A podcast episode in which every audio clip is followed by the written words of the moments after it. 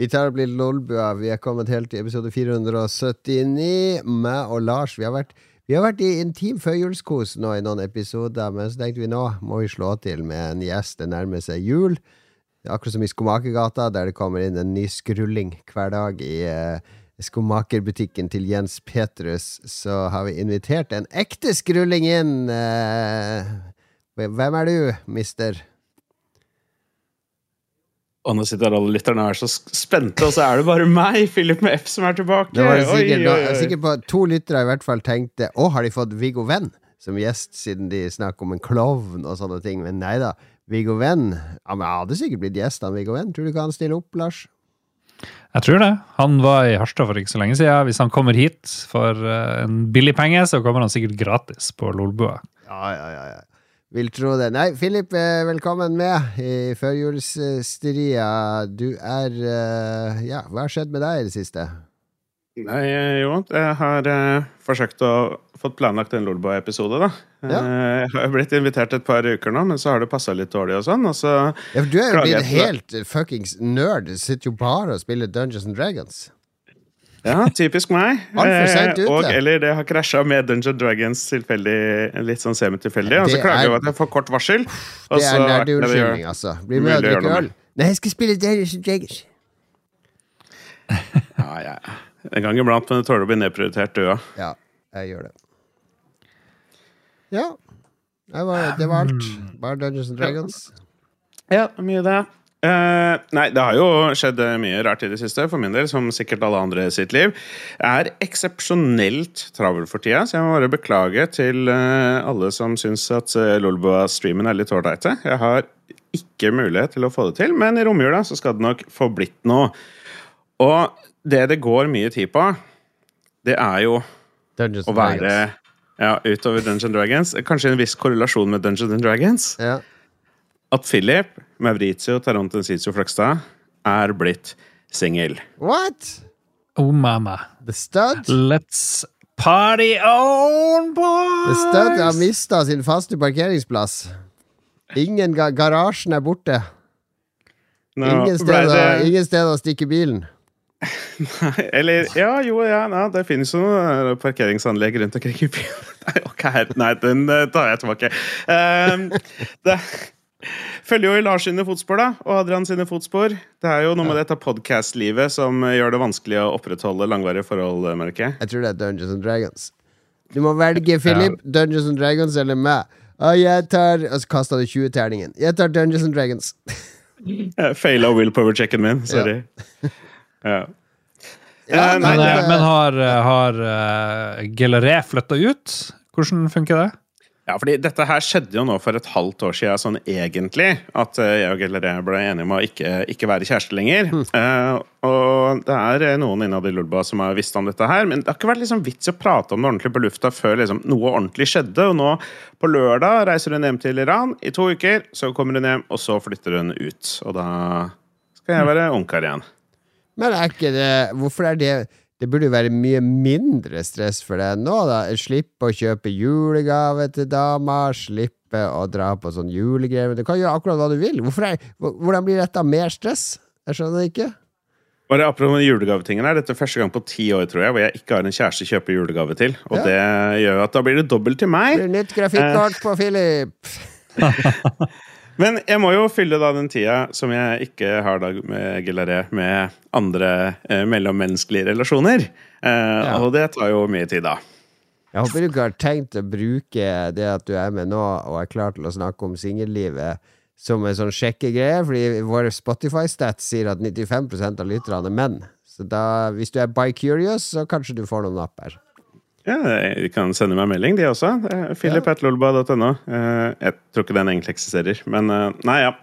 Det ble jo litt sånn til slutt. Og så kommer jo selvfølgelig alle kommentarene da på Ja, er dette åpne forhold forholdet Philip, som ikke funker? Det gjør jo ikke det i lengden. Det er bare teit. Sånt er dust. Og jeg vet ikke, alle mine monogame forhold har også feila, liksom, så jeg vet ikke om det er nødvendigvis er en direkte korrelasjon der, men. Boom. Boom, boom, boom. Ja, så planen er nå å få dame før julaften, tenker jeg. Forte seg. Uh, Nei, men det har jo blitt, uh, har jo blitt litt dating i det siste, da. Og det, det er jo gøy. Det er jo ikke mye uh, gøy å date, da.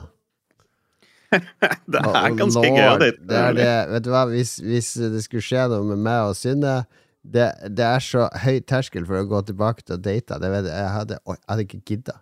Det hadde jeg resignert og tenkt nei, Skulle jo vi gått på byen sammen, Jon Cato. Skal jeg kan ikke tenke meg noe altså, Hyggelig å gå på byen med deg, men for å sjekke dame Jesus lord! Ok, da skal du få høre om ditt, din marerittkveld. Ja. Fordi det er jo, som sagt, Jeg hadde et halvt år med singelliv, så det er jo en del å fortelle. Men la oss bare ta siste uka, da, bare for å begrense det litt. ja. Forrige onsdag så var jeg på speeddate. What?! Hva, Holy er- shit. hva er det for noe? Er det man snorter en linje hver, og så bare Kom igjen, da! kom igjen da, Nei. Nå tar vi Paris-hjul! Ja, ja, ja, er jo Opp ikke her, opp her, opp her, fort! Okay. Ja, det er ikke noe med narkotikaen å gjøre. Nei, det er jo bare at du dater veldig fort, og veldig mange, på litt sånn overfladisk vis, og så finner dere ut skal vi møtes etterpå. Det er det det går ut på. Ja, Sånn som du har sett på film og TV. Ja, Man skal drive og bytte bord og sånn. Jepp. Akkurat som Det er sånn som i, i den filmen eh, Torsk på Tallinn, den svenske der. Den har jeg ikke sett, men det er helt sikkert akkurat sånn. Nå ble Lars litt kvalm, men det, det er, den har ikke holdt seg så bra, den filmen. Men der drar de en busslast Jo, jo, jo. med svensker til Tallinn for å date damer fra Tallinn. Dra på speeddate med de. Det er en katastrofe. Men ja, det har jeg sett på film. Og det, er ikke det bare stress?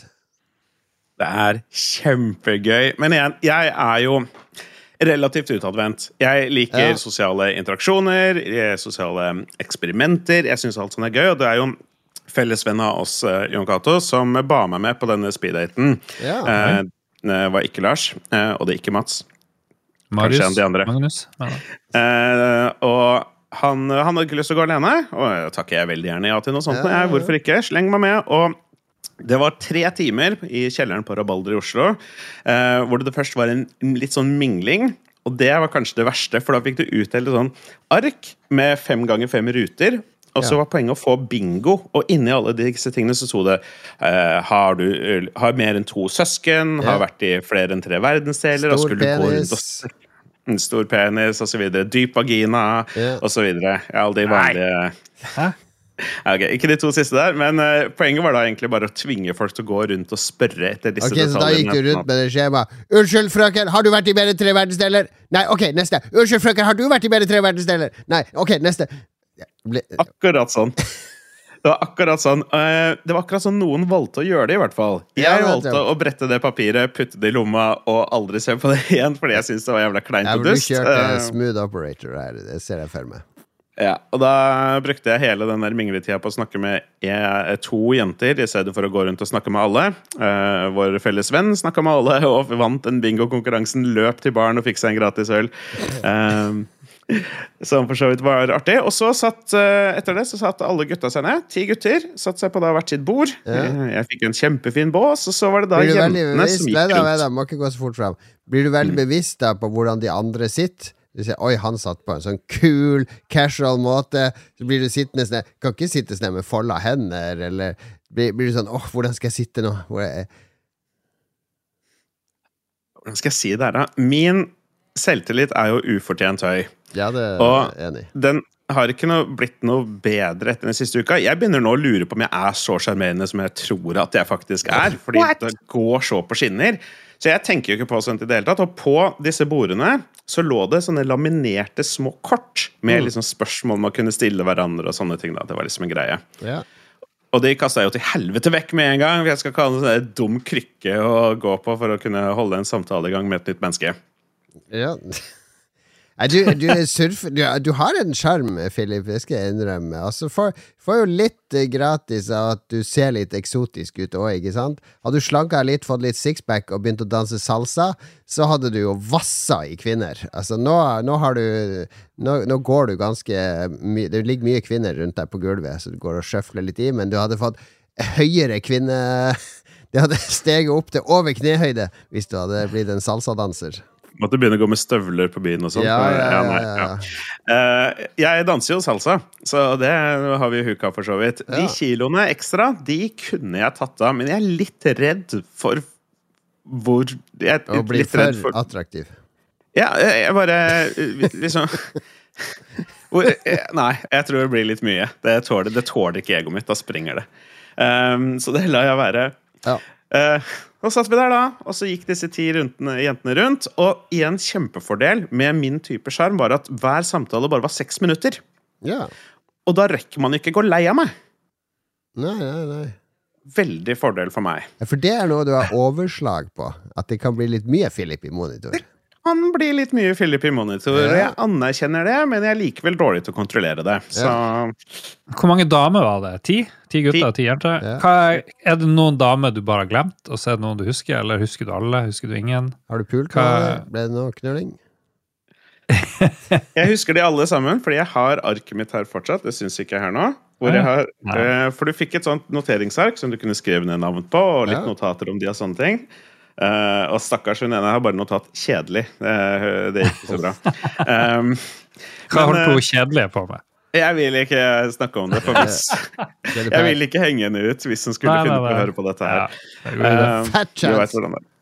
Eh, men det var eh, Ja, nei, de gikk, rundt- jentene gikk rundt. Vi snakka med de i seks minutter om gangen. Eh, jeg satt veldig mye i at hver samtale skulle være eh, unik eh, og organisk. Skulle ikke bruke de der dumme arkene og sånne ting, og prøve å få noe nytt ut av vei. Jeg ville liksom ikke prøve å slå de samme vitsene og mm, ja, spørre om de samme spørsmålene hver gang. Fordi hver person er jo litt unik, og det er jeg ute etter å finne ut av.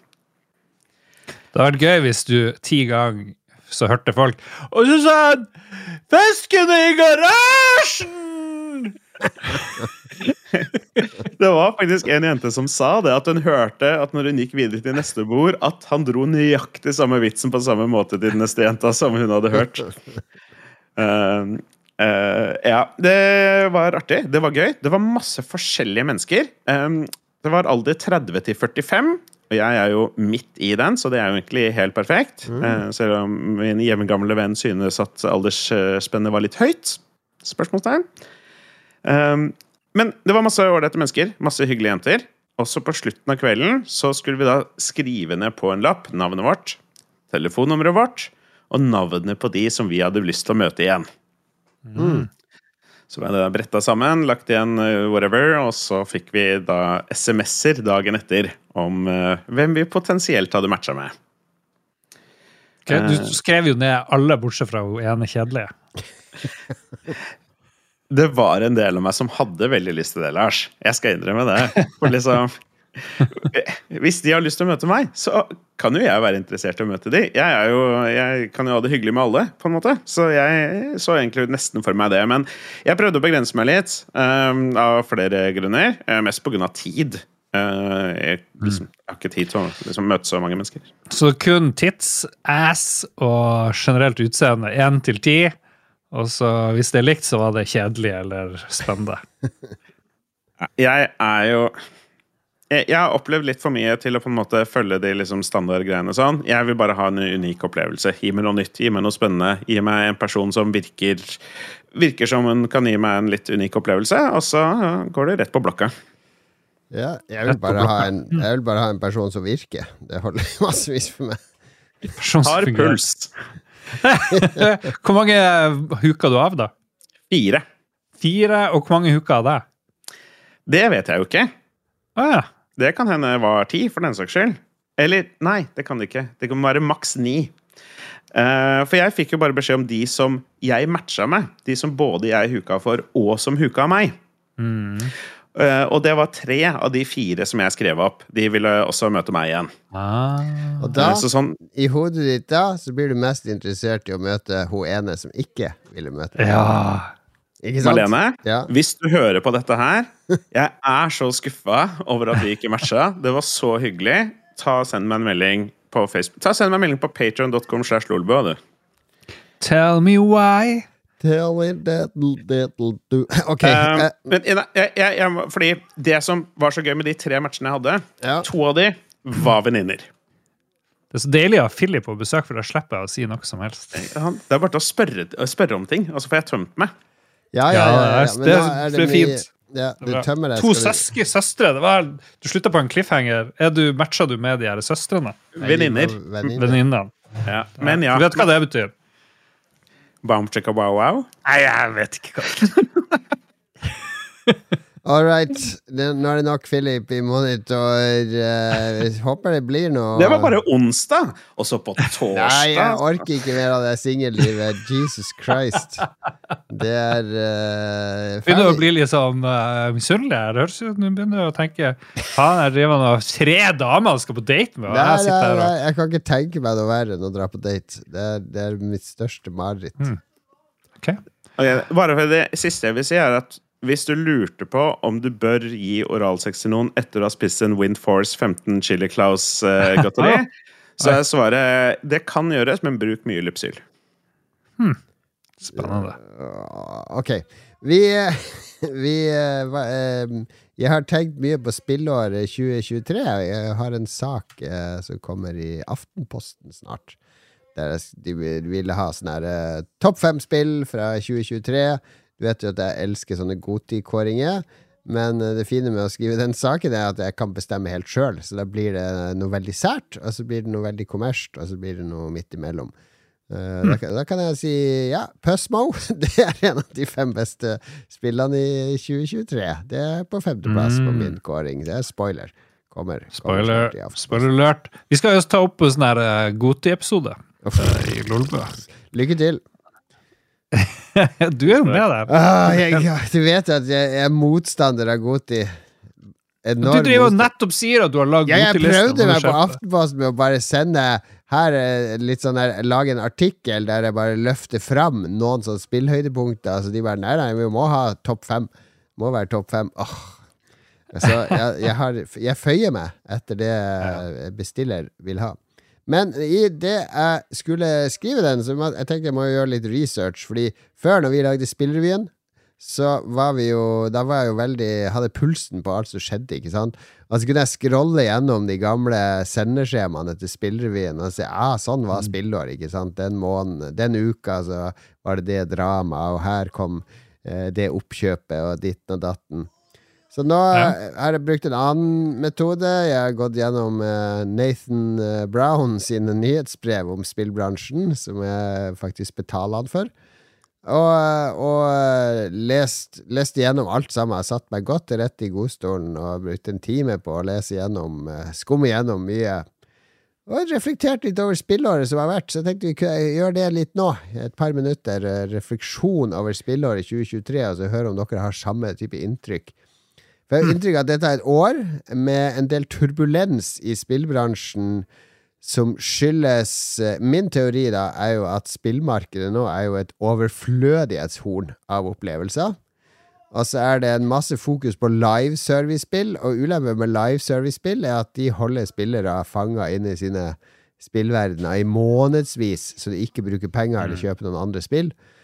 Så det blir en Men du sier det var det flommer over, det var det du begynte med, og Ja, det stemmer jo, fordi de Ja. forrige årene var det veldig lite, sånn på grunn av at ting gikk så sakte i pandemien.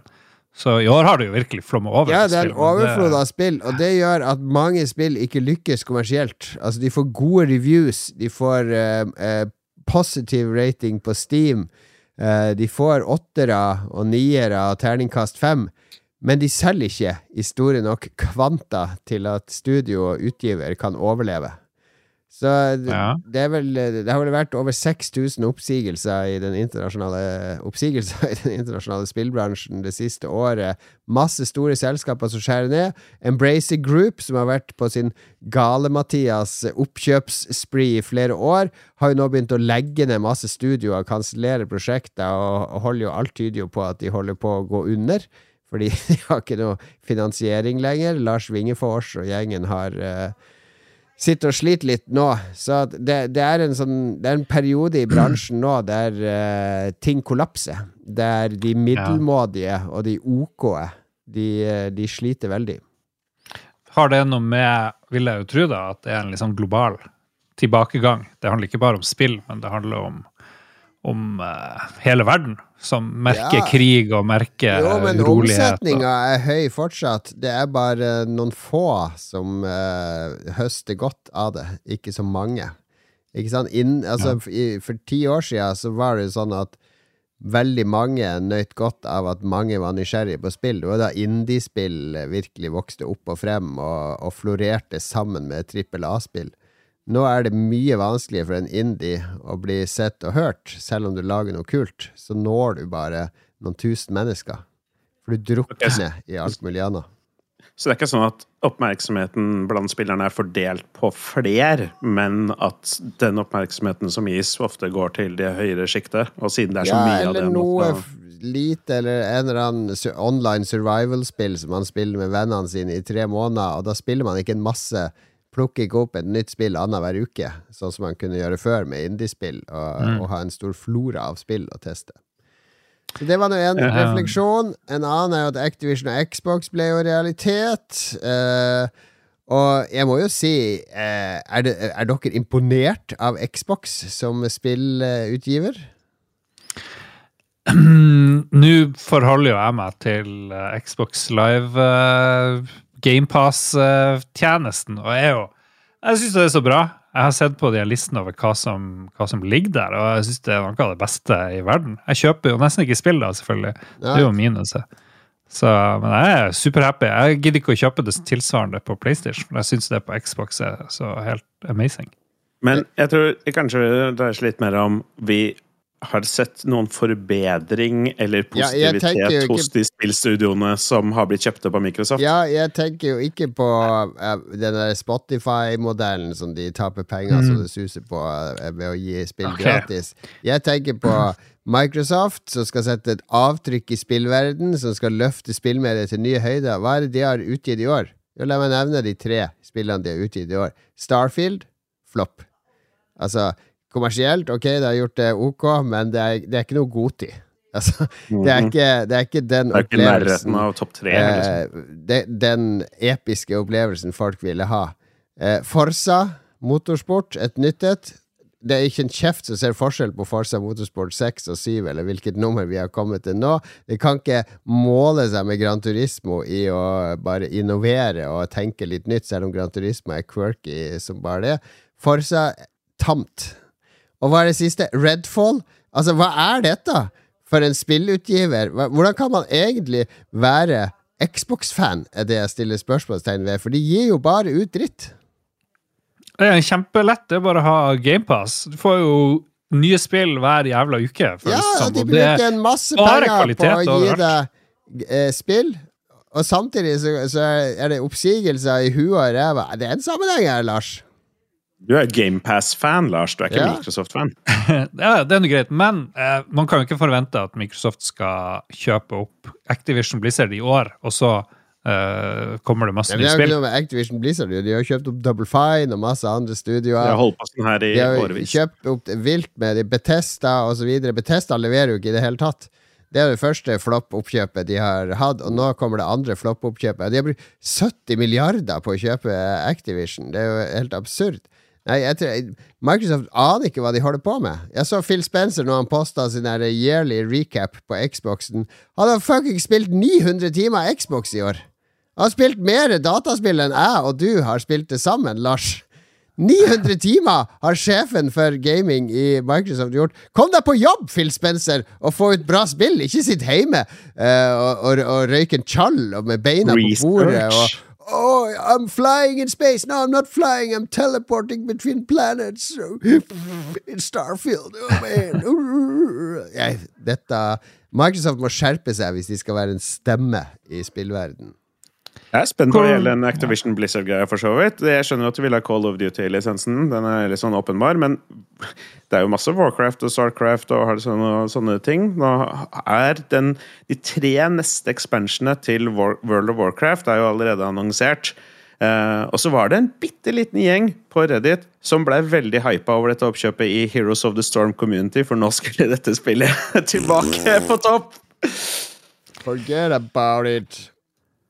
Hvor mange spill ga eh, Sony ut uh, sjøl i 2023, da? Det var ikke så mange der heller. Det var noe God of War, Ragnarok. Ja, men Vi trenger ikke å Eh, sammenligne med Sony, for jeg gjør ikke dette til en konsollkrig. Jeg ser på uh, ulike aktører i spillbransjen, hva er deres bidrag?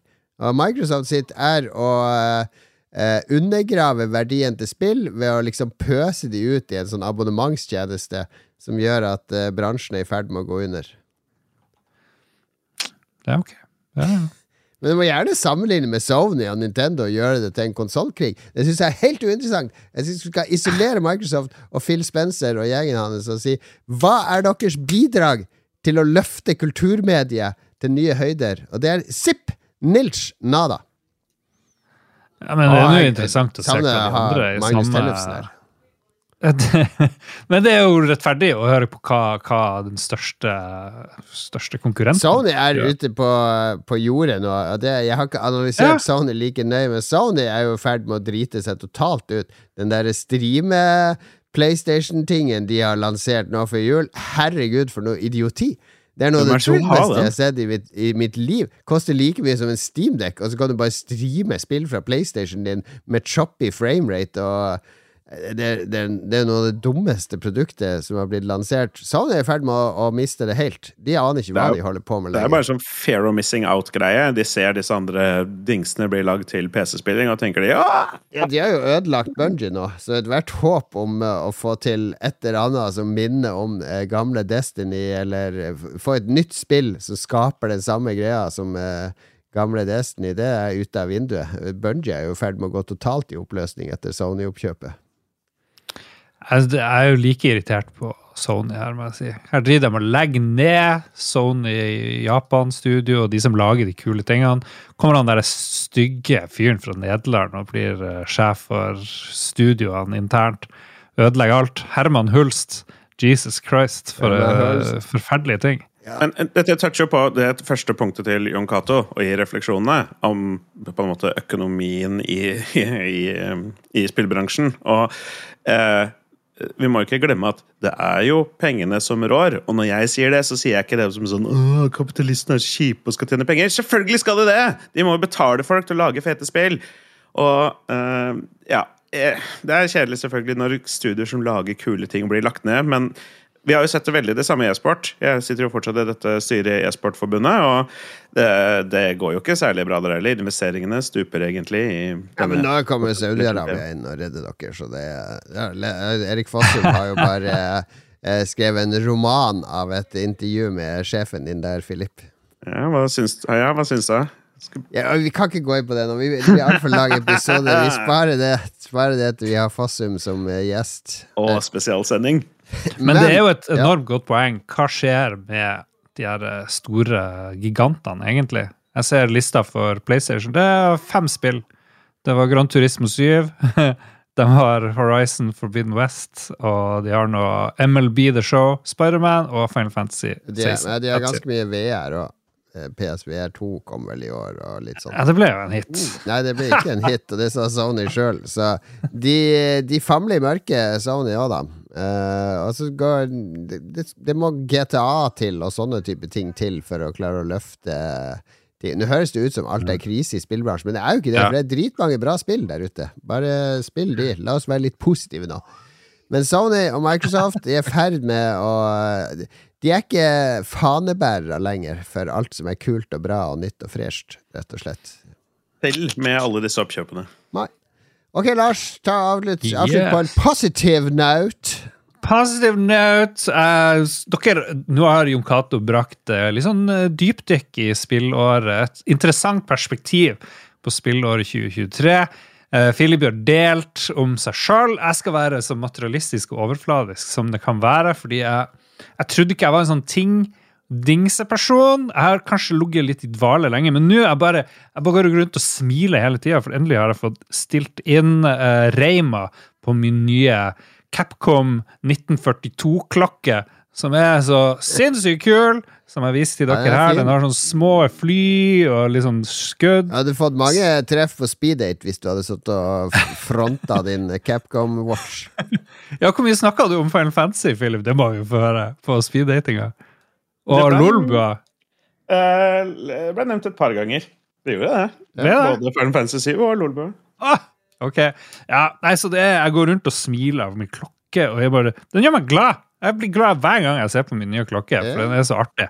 Og så uh, sitter jeg og har hele tida på stuebordet så har jeg min nye Analog Pocket som jeg kan ta opp og prøve litt gamle retroting. Mest uh, fremdeles Selda jeg driver og spiller. Oracle yeah. of uh, Seasons. eller Ages, jeg husker ikke, jeg blander. Men det er bare de, de her tingene. Små ting, ikke sånne store ting. Ikke noe sånn flashy, moderne greier. Bare god gammeldags klokke og en sånn retromaskin. Bare gjør livet mitt helt uh, mye, mye bedre. Materialismen legger livet i lomma!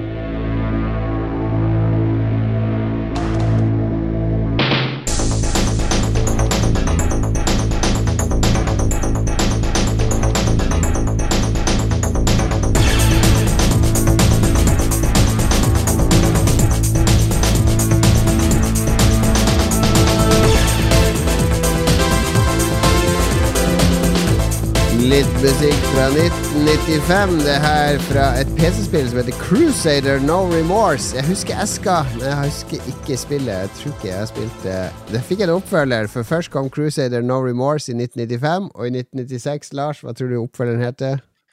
Crusader Much Remorse! Nei, No Regret, selvfølgelig. okay. ja vel. Ja, jeg lurer på om det er liksom Warhammer-spill. Ser, ser, litt Warhammer 40K ut på coverne. Mm. Jeg drev og, jeg drev og eh, jubla for materialisme, men vet du ikke hva, nå når jeg bare satt i pausen og så på Snap, så dukka han her Oskar Vestelin opp. Oi. Jeg vet ikke om dere følger han? Jo da. Han har bare sånn her eh, Å, nå skal jeg kjøpe sjokolade til 10 000 kroner og sammenligne med noe annet. Og nå skal jeg prøve det her vinglasset til hva det faen er, 200 mot 1500. Akkurat sånt. Veldig kjedelig. Jeg har han her, Tester verdens dyreste julekalender, står det her. Ja, fuck off. Det er, jeg syns det der er old. Hvem er det som Ja, ja, ok. Tydeligvis stor. Hvorfor men... følger dere han? Nei, han dukker får... opp automatisk. Han dukker opp i stories hele tida. Ikke ja, ja, min feed. Ja, der er. NSFW-feed, tenker jeg. Mm -mm. Tester verdens dyreste julekalender. Ja, der kom den faen meg. 1700 kroner. Slutt, Oskar Vestelin! Altså, den julekalenderen jeg kjøpte kona mi, kosta 1900, så det er bare bløff. Der har jeg faktisk avkledd Oskar Vestelin. Ja. Right here, exposed! Right exposed Oskar Vestelin. Ja. Men nå skal vi expose eh, ikke Philip sin massive penis. Vi skal expose hva vi har spilt i det siste. Er det ikke utfordring først? Nei, det kan vi ha spilt. Ja. Unnskyld, jeg er så excited. og vi skal også, Philip skal jo gi oss to en ny utfordring, for vi vi, ja, vi kommer til utfordringsspalten. La oss holde oss til spillspalten. Eh, jeg kan begynne med et spill jeg har vært innom flere ganger før. Fordi nylig Det kom jo en 2.0-oppdatering til Cyberpunk, og så kom Phantom Liberty-utvidelsen med en masse Jeg snakka om den tidligere, revampa masse mm. systemer, masse nytt. Og nå har de kommet med en 2.1-patch, og det har jeg selvfølgelig vært innom igjen. Jeg elsker Night City. Jeg, jeg må si Cyberpunk for meg er en av mine favoritt-åpenverdener nå. Jeg kan bare jeg fast-traveler aldri i det spillet. Jeg kjører overalt. Det er så mye som skjer overalt nå. Skikkelig sånn levende verden. Og jeg digger digger spillet. Fordi det de har adda nå, det er enda smoothere movement. De har, de har gjort det noe med movement, så det bare føles mer direkte og håndgripelig på en eller mhm. annen grunn. De har oppdatert masse lydeffekter. Våpen bråker noe enormt mye mer. Fottrinn høres bedre ut. Det er masse, masse sånn polish på, på, ting. De introduserte metroen, så nå kan man kjøre der T-banen som var i den aller første traileren som man så uh, for spillet. Uh, okay. Hel haug med sånne små, uh, fine ting som bare gjør livet i Night City enda morsommere. Kan gå på date i leilighetene sine, er det noe for deg, Philip? Så, oh, så yeah. Cyberpunk 2077, det er det, og No Man's Sky må stå i historien som de eh, mest fantastiske redningsoperasjonene. Altså å, å, gjøre spill fra fire, terningkast fire, terningkast fem til terningkast seks. Og visstnok har jeg lest at det har kosta 120 millioner dollar å fikse Cyberpunk, så det er en solid investering fra CD Project Red for å liksom eh, bygge opp renommeet sitt igjen. Ja. Vet du hva vi glemte? Å, å snakke om uh, Game Awards som var i forrige uke. Ja, det er ikke noe å snakke om. Herregud, for noe dritt. Jeg satt og så den sendinga i ettertid. Det er jo bare reklame. Altså, altså, fordi det er reklamepauser for å se spilltrailere, og så kommer du tilbake til showet for å se spilltrailere. Jeg skjønner ingenting. Og det er uh, Kojima og han der Jordan Peel De får sånn ti minutter på scenen for å si ingenting. Bare for å si vi syns vi hverandre er kule. Mens når han Sven Winke kommer opp og skal ta imot uh, årets beste spill, Balders Gate 3, så får han lov å takke i 20 sekunder, så kommer det sånn musikk. Sånn, du må gå av! Fort, fort, fort! Bort, bort, bort! Fordi alt, alle, som, alle vennene, alle kompisene til uh, Jeff Keeley, de skal få scenetid.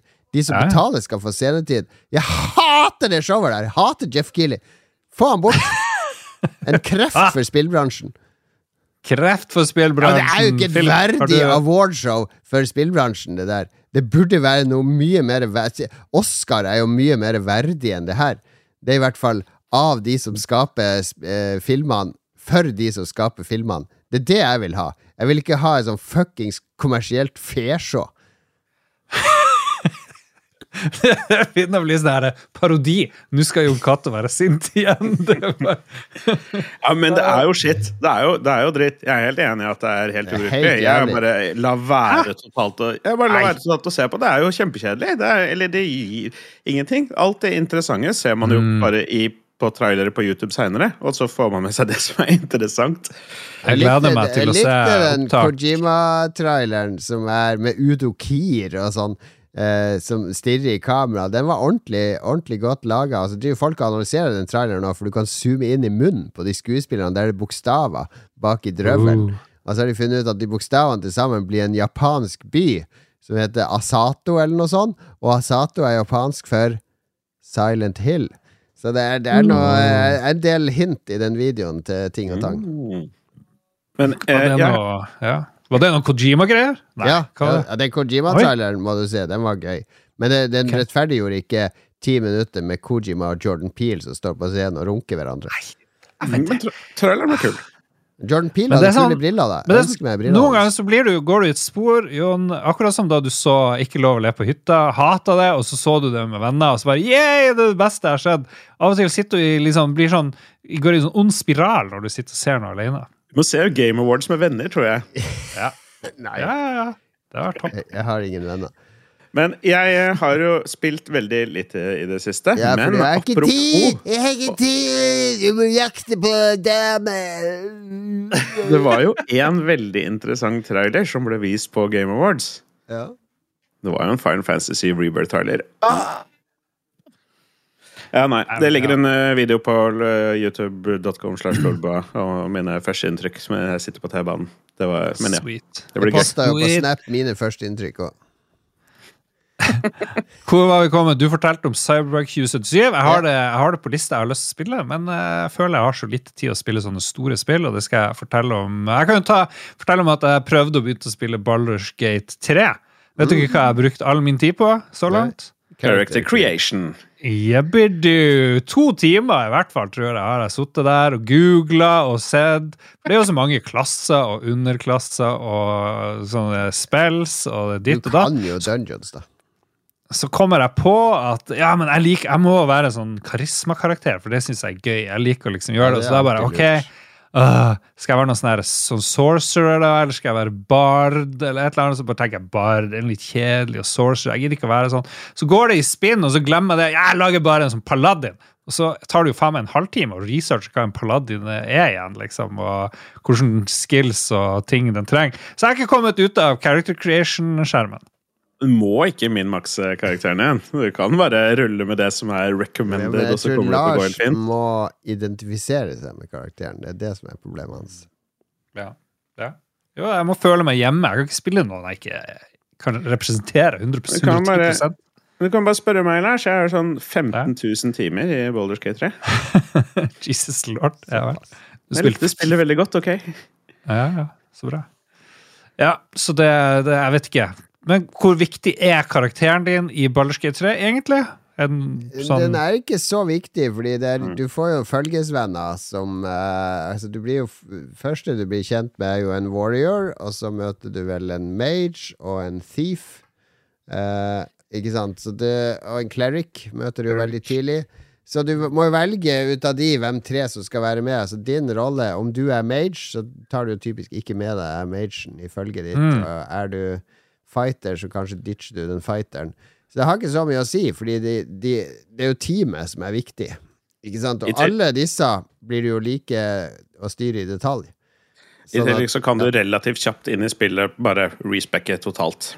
Bare ja. ja. Det 50 gull for Så du må ikke overtenke det. Men det jeg hadde anbefalt deg å gjøre, er å spille det på en lettere vanskelighetsgrad. For da slipper du å stresse så mye med de kampene, i hvert fall i starten. Fordi kampene kan være et hinder, fordi de er litt sånn, mm. du er litt sårbar i starten. Det er liksom ett til to hugg, så er du død. Så uh, ta den vanskelighetsgraden litt, kom deg inn i storyen og flowen, og så kan du begynne å bryne deg ordentlig på systemene og sånn.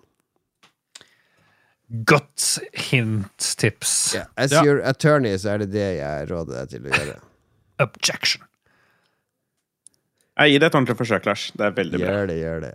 Jeg har også spilt uh, store nye innenfor multiplayer gaming som ble sniklansert under Game Awards, nemlig The Finals.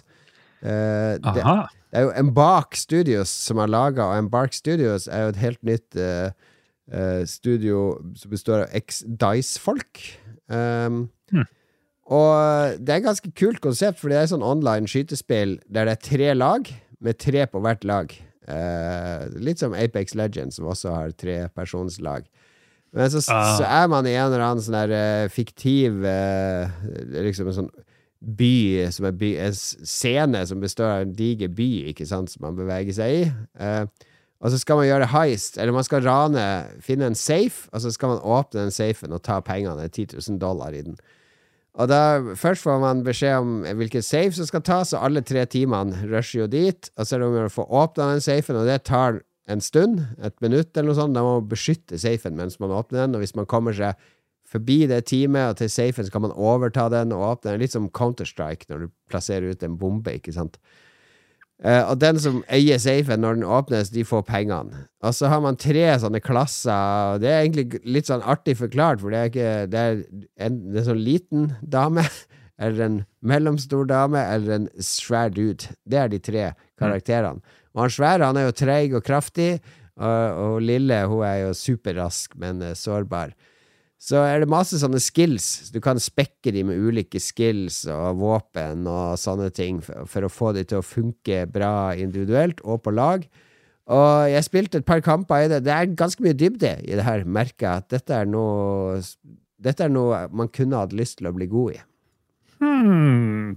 Det jeg tenker når jeg ser traileren, for det ser jo helt amazing ut, mm. uh, hvor mye arbeid som legges i Og så tenker jeg bare Tenk om det spillet flopper. Tenk hvor mange mennesker som har brukt fire år av livet sitt på å lage det her, og så bare, kan det bare forsvinne to måneder etter at det kommer ut, omtrent. Hvordan tenker du gjør da? Ja, Vi får se, da. For det var jo 7,5 millioner spillere inne på den siste betaen som var i oktober. Eh, det også, ble også det mest wishlista spillet på Steam, så det har mye for seg. Så det, vi må jo følge med på spillertallene nå fremover. Det er vel ikke noe sånn umiddelbart på horisonten som truer dette. Altså Det er jo eventuelt om folk går tilbake til Fortnite eller Apex eller andre spill, tror jeg. Uh, jeg syns i hvert fall det er originalt. Det skiller seg fra de andre. Det er ikke sånn blåkopi av Fortnite eller PubG eller noe sånt. Hva skjer når du dauer? Det, du, du, kan bli re, uh, reviva av uh, teamkompisene dine, eller så kan du respawne etter 30 minutter. 30 minutter? Nei, 30 sekunder. Okay. altså, Jævlig mye To runder er ferdig, og du sitter og venter på respawnet. Altså er det en kul ting uh, som jeg syns er kult, men som spillet har fått kritikk for, fordi det er kommentatorer i spillet som mm. kommenterer mm. som bare All right, it's, it's, they're getting the advantage, they're holding mm. on to the target, bla, bla, bla. Det er AI-generert kommentator, da. Eh, som da kommenterer, ikke sant, analyserer realtime og kommenterer det de ser. Det er ikke veldig avansert, det de egentlig sier. Men det fikk meg til å tenke det er jo egentlig genialt. Fifa burde jo ha det. ikke sant? En AI mm. som observerer spillet, som analyserer styrkeforholdet, som kan fremheve eh, spill, enkeltprestasjoner i stedet for at uh, Murray Walker Nei, det, jeg husker ikke hva de heter. De er, uh, Arne Skeie skal sette seg ned og lese inn uh, 500 000 tekstlinjer for alle eventualiteter. Så er det jo bare å, å gi Arne Skeie litt penger for å få stemmen hans, og så la, la en AI ta over. Jeg tenkte det kanskje var sånn konkurransefortrinn de var redd for. Ja. At man hørte at noen sa noe som kan gjøre at man skjønner hvor de er, eller et eller annet sånt noe. Nei, det er jo, det er jo det er mye drama rundt kunstig intelligens for tida i alle sektorer, fordi alle er jo livredd for at jobbene sine skal bli tatt over av en kunstig intelligens. Stemmeskuespillere de har mye å frykte, for, for jeg har også spilt uh, World of Warcraft Classic i det siste sammen med en sånn AI voice mod som, legger, som voicer alle Questgivers. Og det, det, høres ut som dette blir noen sånn halvslappe greier, men det er Hello, adventurer! Welcome to the guild! We are Altså, det er ordentlig voice. Ufta. Ja. Men det er jo et stort problem med AI-stemmen i, i uh, the, Hva det heter det der spillet vi snakker om? Finals. Uh, the Finals. Fordi hver gang det kommer en bru eller et lysskilt, uh, sånn som man ofte må gjøre, identifisere i sånn her eh, Er du en robottest? Så skjønner han ikke ah, Is that a bridge? What is that? What is that? Og så bare kollapser AI-en fullstendig. Det kan nok skje. Nei, men det er, ja. Jeg syns jo det er mange spennende bruksområder for AI, og ikke minst uh, muligheter for små studioer til å løfte kvaliteten på ting ganske betraktelig ved hjelp av kunstig intelligens. Jo da. Og så har han problemer med sånn når si oh, Look at that girl, she has 15 fingers! How lovely are they? det er selvfølgelig et stort problem. Men det er et problem med å balansere de tradisjonelle yrkene med det moderne, ikke sant? Eh, det er jo som du som kommer fra avisbransjen, Lars. Typografene, de ble jo bytta ut. Altså, det var jo ikke ja, bruk for den type ferdigheter å sette avisen manuelt, bokstav for bokstav, i en diger trykkpresse. Jeg skal på to dagers AI-kurs i januar. I hva det er, 8.-9. januar eller 7. Eller sånt. Så, hva er det AI-en skal lære deg? Vi skal lære om AI. Vi skal komme i forkant av AI-en. ja, jeg er smart. smart. Eh, vel, ja. eh, kjapt sånn sving på denne finance-greia. fordi eh, Jon Cato nevnte det. Om dette spillet overlever, er jo sånn om det klarer å holde på en eh, kritisk spillebase. Ja. Eh, og det er det som er Jeg tror det kan være litt kanskje problemene til disse indie-spillene også, som du nevnte tidligere. For det er veldig mange gamere som bruker veldig mye tid på å sitte og spille online-spill hvor man bare queuer opp runde etter runde mm. og gir seg når man vil. Og det tror jeg single player den tar en ganske stor hit fra. Ja, de, altså sånn live service-spill er en um, stor årsak til at mange indies uh, sliter. All right, har vi flere spill? Jeg kan spare mitt andre til neste uke. Gjør det. Jeg kan også slippe Jeg snakker litt før dere har snakka om Warcraft Rumble. Vi har snakka om det før, Philip. Too late, too late! Du kommer for sent. Eh, damene dine liker at du kommer så sent, men her i Lolbua så må du være litt eh, mer eh, på, rett og slett.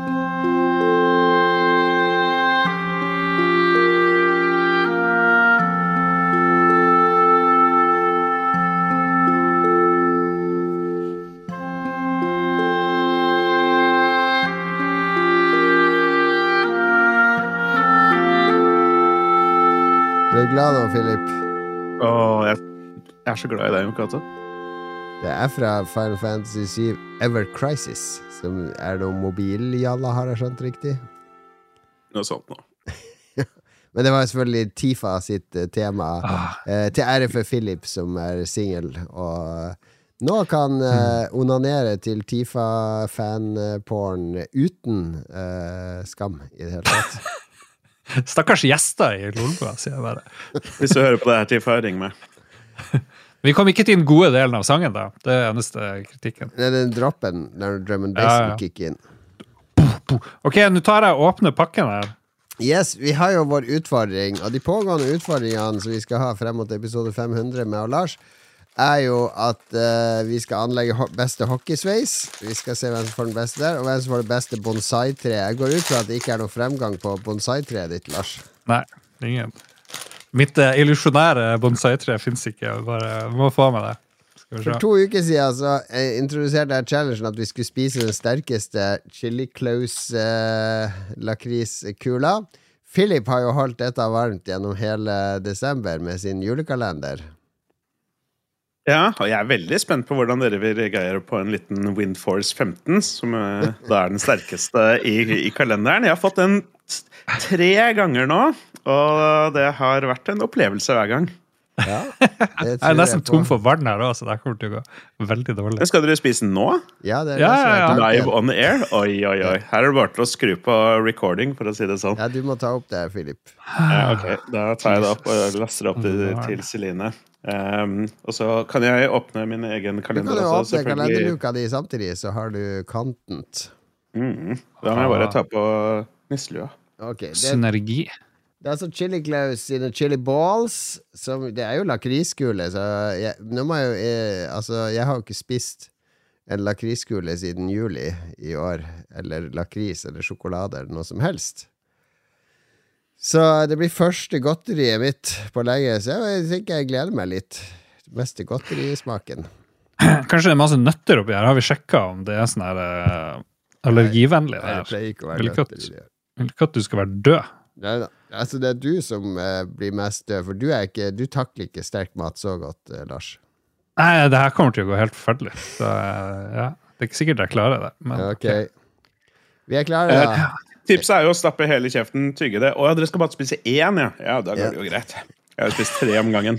Ok. Er du klar, Lykke Lars? til. Tre, to, én. Der går ballene i kjeften. mm, Det var godt der, ja, bra så langt. Mm.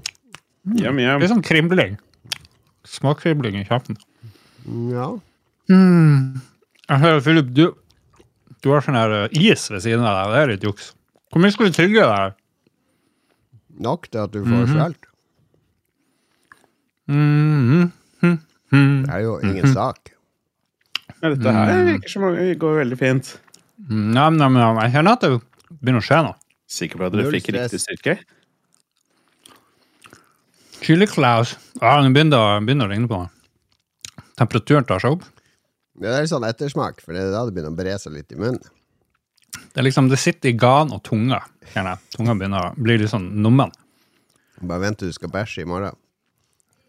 Ja, for det har du merka, Bare- Philip, etter mye inntak av dette. At Ja, det trodde jeg bare var sånn myte. At du bare så, men herregud, det svir i, svir i urinrøret og alt.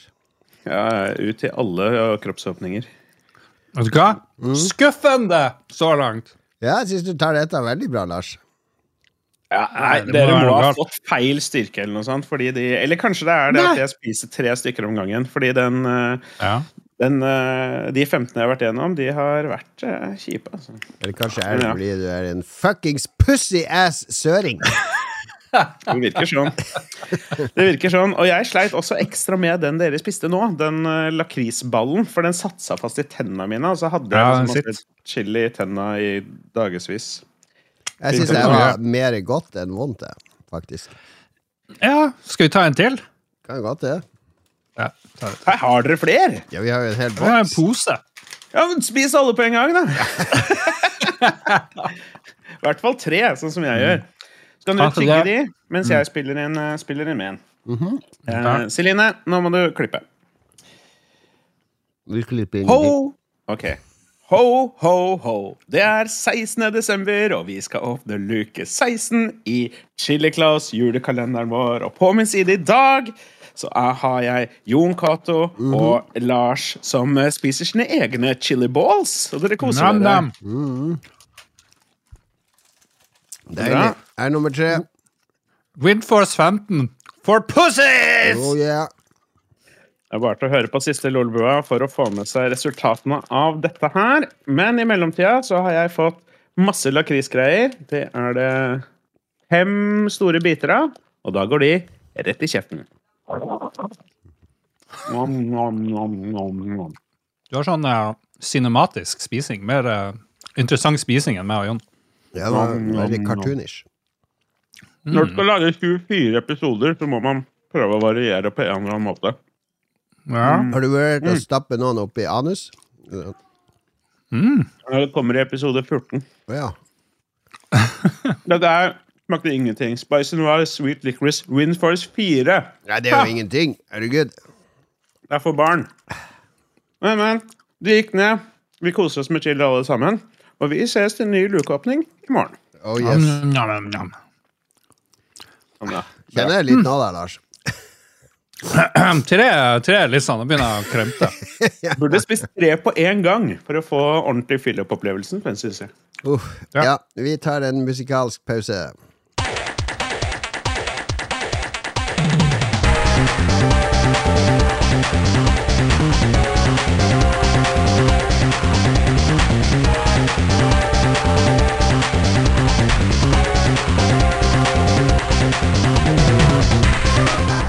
Snakker Gunstar Heroes eh, her. eh, Neo City heter låten.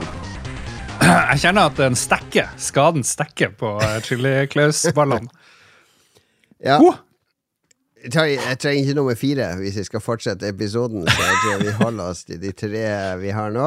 Ja, For nå har du merkbar annerledes farge i ansiktet enn tidligere, Jon Cato. Så det Ja, det er bare fordi jeg ikke har på de her. Sånn. Å ja. Det der. Ah, mm. Skal vi se. Vi, har, vi har kommet til eh, året er 1987. Eh, ah. Og eh, vi har kommet til måneden september. Dette er jo en måned der jeg ble Hvor gammel ble jeg her? 14 år, kanskje? 30? Jeg- Elleve år. Nei, Ja. 15. Jeg ble jo 15 dette året. September 1987, hva skjedde da? Jo, Mathias Rust-rettssaken begynte. Husker dere Mathias Rust? Mathias Vi Jeg Røst. prata om han i en Ja. nylig Lolbua-episode. Det var han som fløy en Cessna inn i Sovjet og landa på Den røde plass. ja, det var news over hele verden. Mm. Men tenk at nyheten kom ut. Jeg tenkte at hele Sovjet var under lockdown, men det, det, man hørte jo om det med en gang, liksom. At her har en hørte det ga- med en gang. gal fyr landa på Den røde plass. Helt, uh, helt riktig. Og eh, meget eh, aktuelt. I 7. september så starta det verdens første konferanse om kunstig liv, eller AI, fant sted på Los Alamos National Laboratory i United States. Da holdt de på i to uker og snakka om eh, kunstig liv, eh, evolusjon gjennom simulasjoner, datamodeller, roboter, biokjemi osv. Eh, og 17. september, det var en stor dag. Det var jo pave Johannes Paul. Han er egentlig min favorittpave, Lars. Han, han virka veldig sympatisk. Kvalitetspave. Ja, for han hvis du besøkte San Francisco 17. september, eh, der han eh, ga klemmer til flere aids-offer. Oh, Mm. kurerte han det, eller bare ble det med klemmen? Nei, det ble med klemmen, men det, det Ja. gjorde jo noe for å Altså, det var jo viktig symbolikk i det, ikke sant? Men jeg tenkte Siden han er hellig, og sånn, kanskje han hadde litt sånn Jesus powers og kunne Ja, nei, det var ikke helt, helt i det landskapet. Men vi skal, vi skal over til spillene ganske fort. Vi skal eh, gjennom fem spill som kom i september 1987. Kåre de beste av de til vår uh, Goti 1987-kåring om et par episoder. Det er bare fire episoder til vi kan kåre det beste. Unnskyld. eh, i nå kommer den. 1987. Ok, vet du hva jeg, jeg fant? Jeg fant um, Ti i skuddet, 17. september 1987. Ja. På topp På topp uh, Nummer topp tre. Uh, Toyboy med Sinitta. Uh. Ingen som husker noen Sinitta? Hva er det slags spill? Ingen som husker det. Nummer to. Nothing's Gonna Change My Love For You med Glenn Medeiros. Nothing's gonna change my love for you. Ja, Det er- Ah, den er fin. Og øverst, i måneden vi er i nå, Alone. Sangen Alone med Heart. Ah, ah, power er fin. ballad. De kommer på Tons of Rock i år. Heart. What? Oh yes. Og så var det La Bamba med Los Lobos. Det var Ja, det var fordi det kom, var en film samtidig. Ja, jeg Den hadde en revival, den låten. Med Richie Valence var det vel opprinnelig, var det ikke det? Oi! Rick Astley, Never Gonna Give You Up, 13.-plass. Uh. Litt Rick-rolling eh, skjedde plutselig i september. Ok, vi må over til spillene, Ja. uh, Lars. Fem spill. Vi skal kåre det beste. Og det første er en artig kuriositet som jeg og vår venn uh, Øyvind Vi brukte mye tid på dette spillet. Um, det ble uh, Det var Sensible Software som hadde laga det, og vi kjenner jo Sensible Software fra før, fra spill som Sensible Soccer eller Whizball eller Megalomania skulle de lage senere. De to quirky punkmusikere som ble spillskapere, der Chris Yates var en mester på kode, og der John Hare var eh, dyktig designer, grafiker, lagde veldig mye kult sammen. Og de lagde noe som het Shoot'em Up Construction Kit, som basically er et arbeidsverktøy for å lage sine egne skytespill. Altså, du kan lage sprites. eh, Du kan, du kan lage eksempel en mann. Du kunne lage kommando i dette spillet. En mann som løper rundt og skyter soldater. Du kan lage romskip som flyr oppover og skyter eh, andre romskip eller roboter eller hva som helst. Så det var, for, for oss som var unge, 15 år gamle gamere på den tida, det å få et verktøy som kunne basically lage eh, rimelig helt likt det man ellers satt og spilte og brukte tida på, det var ganske stor revelation. For de hadde laga det på en måte som gjorde det veldig kult. Og jeg, husker at Øyvind drev og lagde et sånt spill der du var inni innvollene til et menneske. Så du hadde krympa, så det var en soldat som løp. Så det var liksom rosa og røde bakgrunner. Nei, men med sånn der, du vet, sånn der comic book-tarmer med sånne porer som det renner ting ut av. Og så var det sånne germs og andre ting som kom og angrep deg, som du skulle skyte, da. Uh, og eh, det var en sykt kul pakke, da. Og en sånn- litt sånn forsmak på uh, spillerbasert innhold, rett og slett. Ja. Jeg husker det var, det var flere sånne Construction Kit-spill, var det ikke det? Du kunne lage racing-spill. Ja, det var Racing. Destruction Kit, der du kunne lage egne baner og litt sånn. eh, Det var Pinball Construction Set, var, var et spill. Så det var eh, en håndfull sånne spill. Men eh, Shoot 'em Up Construction eh, Kit kom både på Commodore 64 og Amiga, eh, og Amiga etter Mm. Og eh, jeg brukte ganske mye tid på å prøve å lage spill, men det ble som sånn her halvprosjekter, ikke sant? For det er jo mye, veldig mye jobb når du skal begynne å detaljere bakgrunner og fiender og få ting til å flyte og få det til å bli gøy. Uh, Ja. Men det du fikk ut av det, det er at det er like artig å drive og planlegge i hodet og drømme, og du får så utrolig mye glede av følelsen av at her kan du lage hva du vil. Og så klarer du jo ikke det. Men uh, jeg tror det er en fornuftig opplevelse likevel, liksom. Givende. Ja, ja, du, dette er fullt spillbar i dag. Altså Hvis du vil lage en 8-bits uh, Commodore 64-spill eller et Amiga-spill og fyre det her opp på emulator, så har du muligheten til det. Det finnes jo selvfølgelig andre måter å gjøre det på òg. Uh, for det finnes så mye andre bra verktøy som hvis du kan bitte litt programmering, så kommer du ganske langt.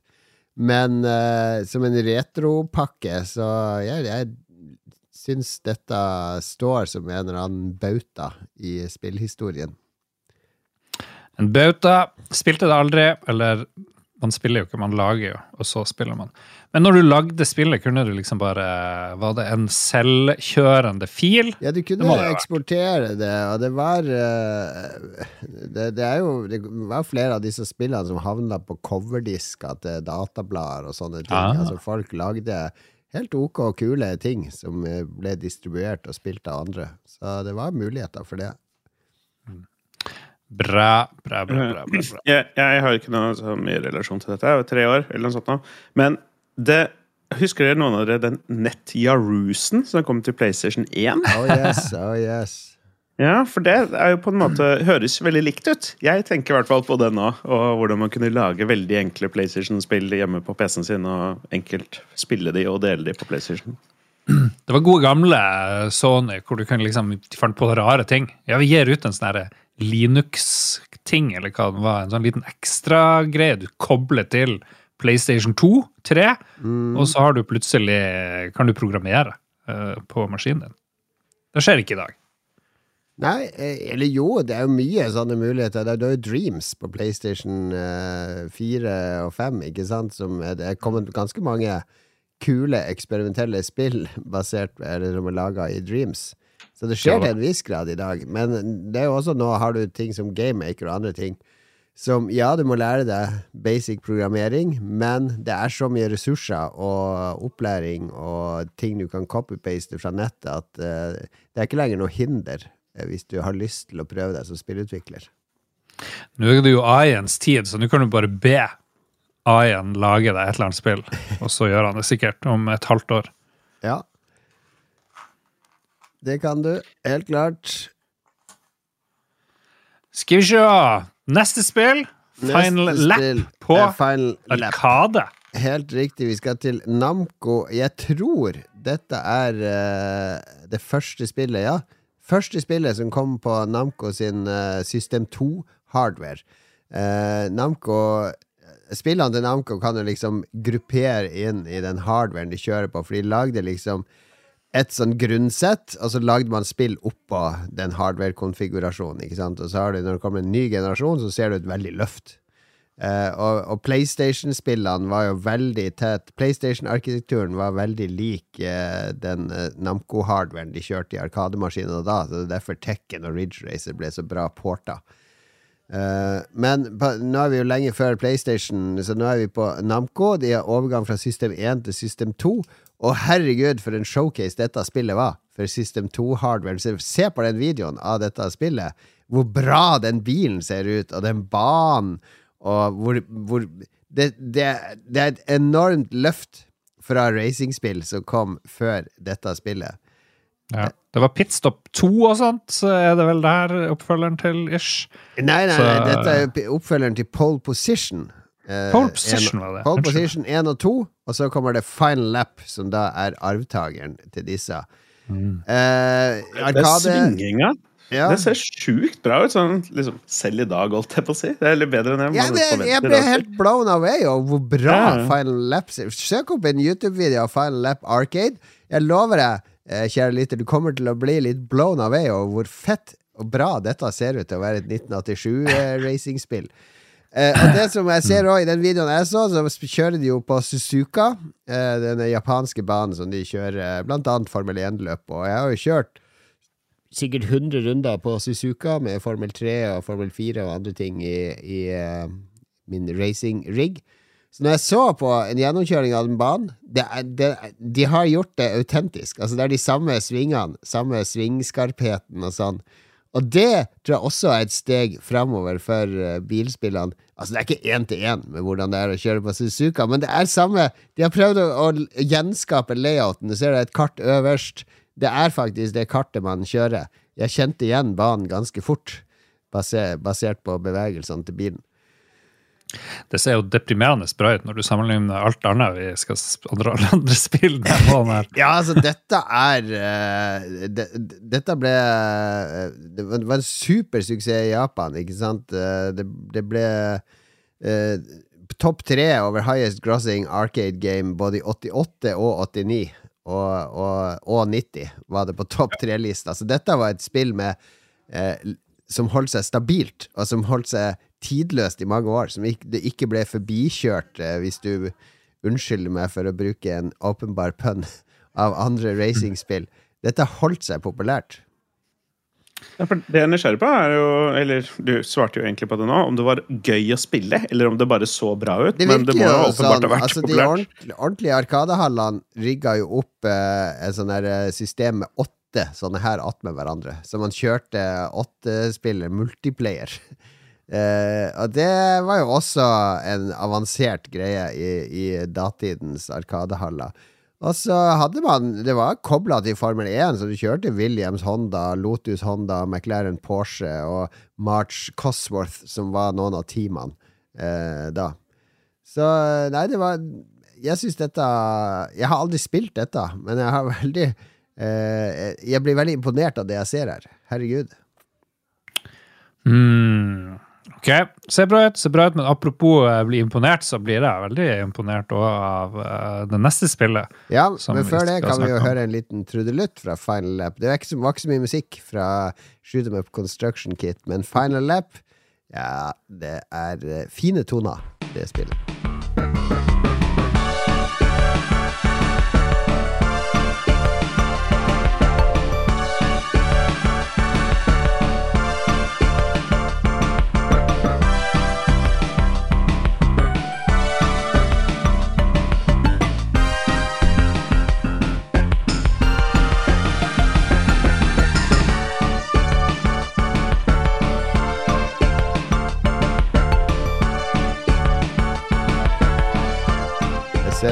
Final Lap hadde også et spin-off-spill som heter Final Lap Twin.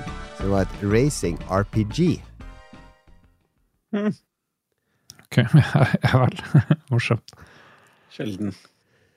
Sjelden Ghost. Neste spill, Lars, det har du spilt. Ja! ja! Det var vel et av de første spillene jeg liksom kan huske nesten å ha spilt på Commodore 64, men det her kom jo liksom langt, langt ut i Commodorens eh, levetid, så det er mulig jeg stokker litt uh, hukommelsen opp og ned, men det var nå i hvert fall et spill jeg spilte mye. Nebulus mm. på uh, Commodore 64, hvor du har en sånn todelt opplevelse. En litt sånn weak sidescrollende skyteting hvor du er under vannet, ser det ut som, å ja. skyte på noe fisk. Det er bare tull. Men resten av spillet, da går du opp i et tårn som ser ut som det er fra et, og grafikken er tatt fra et moderne indie-pixel-spill hvor du har et tårn, og så bare går du eh, Karakteren står egentlig stort sett i ro, egentlig, og så er det liksom tårnet som roterer rundt når du går. Så er det liksom plattform, og skal du hoppe, og så er det sånn puzzle-elementer, for du må time ting. Og, en veldig imponerende sånn tredimensjonal effekt ja. av det tårnet som roterer, fordi karakteren din er liksom eh, fast i midten av skjermen, og så er det alt annet som roterer rundt han. Mm. Det er en sinnssyk effekt. Det får sånn demoscene-vibes eh, av det hele, egentlig. Men eh, teknisk sett så er jo det her, eh, det her er jo helt genialt, eh, faktisk. Ja, sykt uh, avansert til å være Commodore 64, og vi er jo nå i den fasen av Commodore 64 at Amigaen og 16-bit har kommet og skal snart ta over. Den er så ung foreløpig, Amigaen, at det er veldig, egentlig ganske primitive spill på den. Folk ja. rusher ut spill bare for å kapitalisere på et nytt og ferskt marked. Men eh, sånn at mens de som lager på Commodore 64, de er jo i sin heyday nå. Nå har de masse ferdigheter og erfaring og kan virkelig utnytte maskinvaren. Så det kommer en del spennende på Commodore 64 nå, i denne gradvise innfasinga til Amiga. Det ser nesten ut som at det her spillet Nå er det jo forskjellig oppløsning og litt begrenset farger, men det her ser jo bedre ut enn noen Amiga-spill, vil jeg påstå. Hvis utseendet er det som teller. Ja, og sikkert mange, også gameplay-messig. Ja, og, og, jeg som ikke har så peiling på det, ville nesten ikke gjette at dette var Commodore 64. Det ser jo skikkelig sharp ut. Ja, det, ser, det, det er noe Fez-aktig her. Det, er, det ser ut mm. som et moderne indiespill. Jeg syns Lars var spot on med å beskrive det her. Og du styrer denne karakteren Pogo, som, eh, som skal erobre disse åtte tårnene, og bonusstagen er jo å fyre løs med, med, med ubåten din under vann i det kanskje det svakeste delen av spillet. Men en super sjarmbombe av et spill, rett og slett. Ja. Nei, men flott. Jeg liker det her. Jeg liker det. Favoritt så langt? Drit i alt annet! ja, det kan, det kan, godt være at denne stikker av med, med seieren. Jeg prøver å finne litt mer ut om han John M. Phillips, som er han som eh, designa og lagde spillet, men jeg finner bare han John Michael Phillips, som er en amerikansk advokat.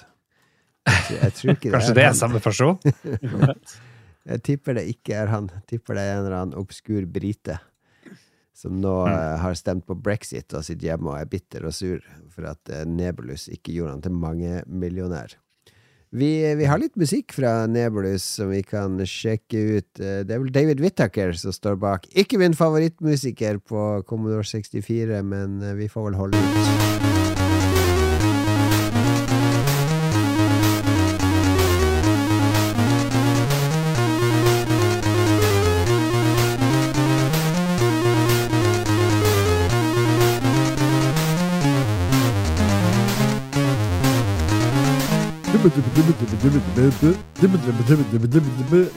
Det trakk nesten litt ned i min bedømming av spillet.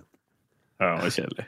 Det er ikke noe vits i å sjekke ut Instagram-profilen til John M. Phillips, i hvert fall. Advokaten også. Det var veldig kjedelig. Han ble okay. pro Programmer of the Year i 1989. Eh, eh, og Best Original Game for Nebulus i eh, Golden Joystick Awards, ifølge c64 i wiki.com. Herlig. Vi skal ja. til Amigaen endelig, og til et spill som jeg må innrømme at jeg har ingen recollection av at jeg har spilt på Amiga. Jeg trodde jeg hadde spilt absolutt alt på Amiga. Men jeg kan rett og slett ikke huske å ha spilt uh, det spillet her, selv om det er uh, Psygnosis. Og hvis du ser på coveret, så er det jo åpenbart uh, at coveret er det er, sånn sci-fi-tegning av en slags robotfuglehode. Gigantisk robotfuglehode. Det er jo av Roger Dean, en av våre favorittartister. Lars, han som lagde Yes-coverne og alle mm. Psygnosis-coverne. Ja. Eh, det, det er et slags skytestrategispill der du er en industriell spion i framtida som, eh, som eh, Du skal eh, forhindre imperiet sin produksjon av maskiner som heter terrorpods. Så du må inn i noen kolonier der de driver og produserer disse terrorpodene, og holde deg i live ved å skyte ned og, og stoppe fiender, samtidig som du ødelegger produksjonen.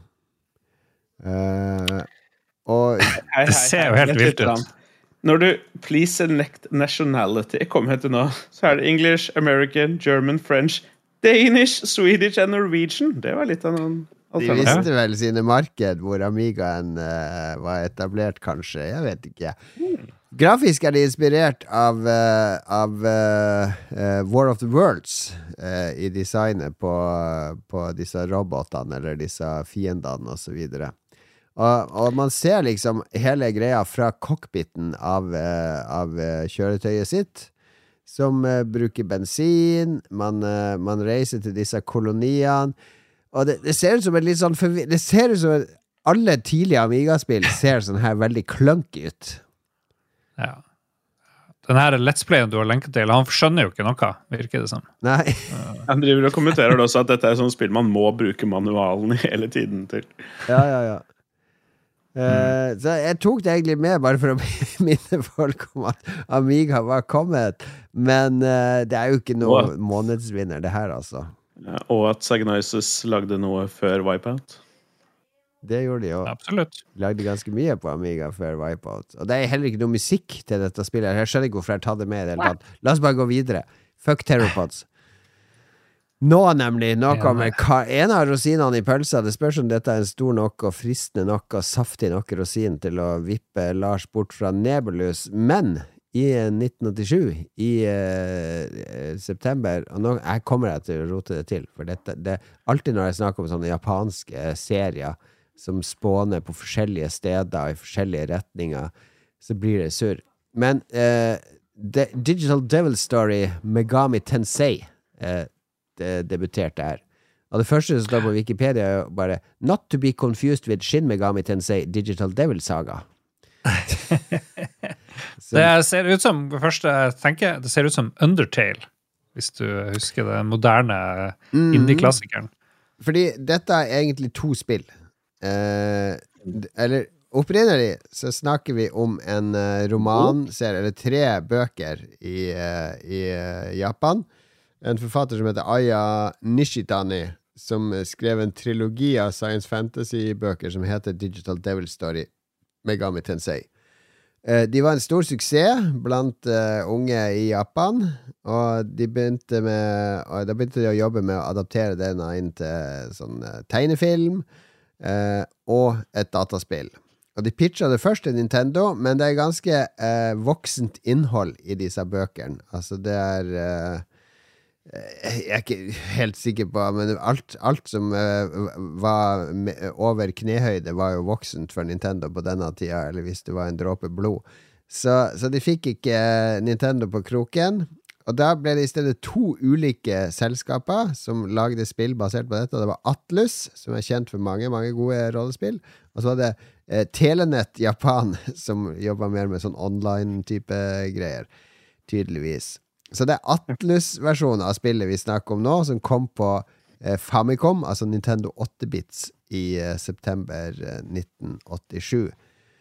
Eh, eh, og det er Altså For de som ikke kjenner denne serien, så er jo en spin-off av denne serien i nyere tid er jo Persona-serien. Så vi kommer liksom fra dette universet med high school-studenter, foregår i en versjon av vår nåtid med noe okkult eller noe sci-fi-elementer eller noe overnaturlig.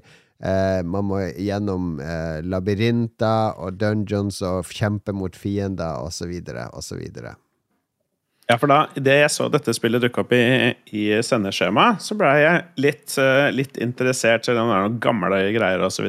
Fordi ja. denne Megami, eller Shin Megami Tensei-serien, som den da etter hvert uh, ble å hete når Atlus videreutvikla den, ja. den har jo gjort eh, om ikke satt standarden for noen ting, så har den gjort mye med den japanske rollespillscenen og videreutvikling av spill og sånne ting, og det er jo spill som jeg syns er litt artige, og ikke minst da Persona-spillene som har kommet i, i, senere tid. Og det som virker så kult, er at de har beholdt så mange av de samme konseptene i dette spillet fra 1987, med den settingen du snakker om, hvordan det foregår i en moderne tid, mm. selv om det på en måte er en fantasy-setting, og sømmende demoner og samle de, osv. osv. Ja. Handlinga her er jo en, en high school-student som heter Ak Akemi Nakajima. Han er reinkarnasjon av en gud som heter Isanagi. Og han lager et dataprogram på skolen som summoner de demoner. Så eh, Lucifer, selveste Lucifer, Satan Nå skjønner jeg hvorfor Nintendo sa nei. Eh, dukker opp sammen med flere demoniske guder. Og så skal man da Han og, og kjæresten må da gå ut i den, disse labyrintene og bekjempe disse demonene for å, å redde verden. Jeg, jeg, kjenner igjen så mye ting fra her, det her jeg spiller som første gang av, av, så gamle spill at jeg kjenner igjen masse ting fra Pokémon og andre spill som, som bare fremdeles gjør mm. mye av det samme. Litt som, som Philip sier, men også på sånn moderne retro-indie-RPG-aktige ting, men også kanskje litt sånn mainstream-spill. Så det her virker jo å være veldig innflytelsesrikt. Det er liksom første gang i denne serien av spillhistorie som vi er i gang med nå, at jeg ser et spill som ser sånn her ut, og som, som, som peker frem. Det er en unik frem. look, fordi det, her, det er sånn sci-fi slash horror uh, slash uh, vår egen tid-setting. Uh, det er noen, en eller annen forfatter som mente at dette spillet eh, har den første suksessfulle bruken av cyberpunk-estetikk i dataspill. Det er dette spillet et eksempel på. Det kan man se i fiender og omgivelser og, og annet. Så det er et spill som har satt masse spor etter seg. Mm. Ja vel. Ingen har spilt det, men det her blir å vinne årets Ja, jeg har funnet det fram på min Analog Pocket, fordi det fins jo en fan-translation av det. Uh, så jeg, jeg ser, jo, ser, jo, veldig Jeg har veldig jeg tenker på hytta i vinterferien, så skal jeg prøve å ta et, et dypdykk ned i Digital Devil Story, uh, rett og slett. Um, Eh, det har blitt kåra til det tredje mest populære rollespillserien i Japan etter Dragon Quest og Final Fantasy, så det er en serie som fortsatt lever i beste velgående. Det var vel nye Persona-remakes eh, på, på Game Awards også, så det, de fortsetter med disse spillene. Game Awards, stadig relevant. Stadig like noen, relevant. Hvis noen lurte da på hva Shin Megame Tensei Digital Devil Saga er, så er det så vidt jeg har skjønt samme greia på PlayStation 2, hvor det også ble lagd to versjoner eller noe sånt. Nå. Også, ja. ja. masse, mange år senere. Kan ikke gjøre det enkelt, disse japanerne, rett og slett.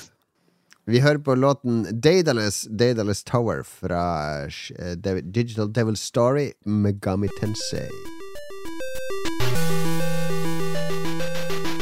Oh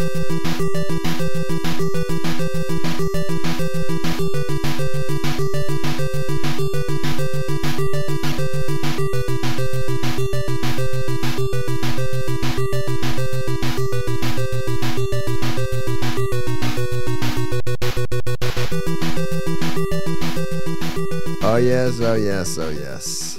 Ja, da skal vi kåre en vinner. Jibbedu, jibbedu. Ja, for meg det er Nebulus eller Digital Devil Story som imponerte meg sånn uh, bare gjennom eh, Let's Play-ting jeg så på. Ja, ja, vi kan si sånn du gir ett poeng til Nebulus, ett poeng til Digital Devil Story. Da jeg gir ett poeng til Final Lap. Jeg kan se video av det Final Lap i evig tid. Jeg er helt blown away. Hadde det vært en Game Awards-trailer, så hadde jeg stått og jubla på første rad. Woohoo! Så Final Lap og Digital Devil Story får ett poeng hver fra meg. Ja, ok, vi gir to poeng hver, ja. ja. Fordi jeg gir også ett poeng til Nebulous, for det er det spillet av alle, alt vi har sett på og hørt om i dag, som jeg har mest lyst til å spille selv. Ja. Som jeg tror kunne vært mest moro. Ja. Men jeg gir jo også et poeng til Digital Devil Story pga. den betydningen det har hatt uh, for uh, senere spillhistorie. Og gratulerer til Digital Devil Story. Og da skal vi ikke ringe til han uh, Koiju Okada, fordi det, det blir rasistisk fra Lars, det vet vi. Så vi, vi holder oss unna den. nei, nei.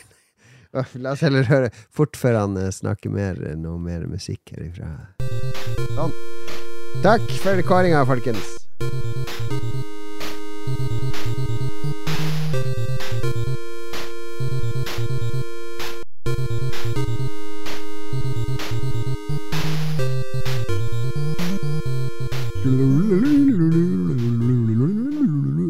Okay. Vet du hva jeg la merke til at dere forsøkte å hoppe over?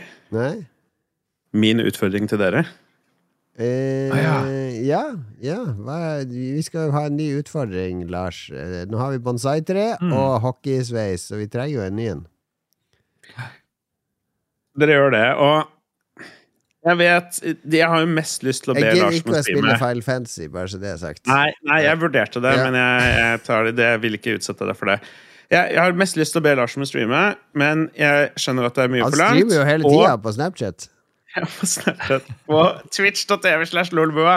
Men én ting som er realistisk, er at dere to kan streame sammen. Kan ikke dere finne et co-op-spill, og så streamer dere to timer? To timer! Dere to timer? Det er jo mer enn Lars spiller på en måned. Én time, da. Jon Cato gjør jo all den tekniske jobben. Det eneste Lars ja. trenger å gjøre, er å bare skru på kameraet sitt og spille spillet på PC-en. Jon Cato tar seg resten. Alt det tekniske. Det, ja. det går an, Lars. Det klarer vi å få til. Ja, Kanskje lytterne har noen spørsmål på hvilket co-op-spill dere skal spille også? Hvis dere først skal spille, spille og streame sammen én time. Kjører, Jeg tror det hadde vært veldig artig. Vi kjører mot hverandre i Stellaris. Det blir artig. Nei, det blir ikke artig! Jeg sitter og klikker og bygger baser. Det blir en lang stream, da. Nei, men det skal vi få ja. til. Det overkommer de. Okay. ok, ok, ok. Nice. Må vi gjøre det inn neste uke, da? Rekker vi det? Nei, nei, nei, det, vi har den på lista. Den kommer med bonsai-tre, hockeysveisen og at vi skal streame sammen. Så vi må bare sørge for at alt dette blir gjort før episode 500. Jeg drar jo minst 21 uker på dere. Ja, Pluss at det kommer litt Sidbua og litt annet filler innimellom. Minst, så det burde gå bra.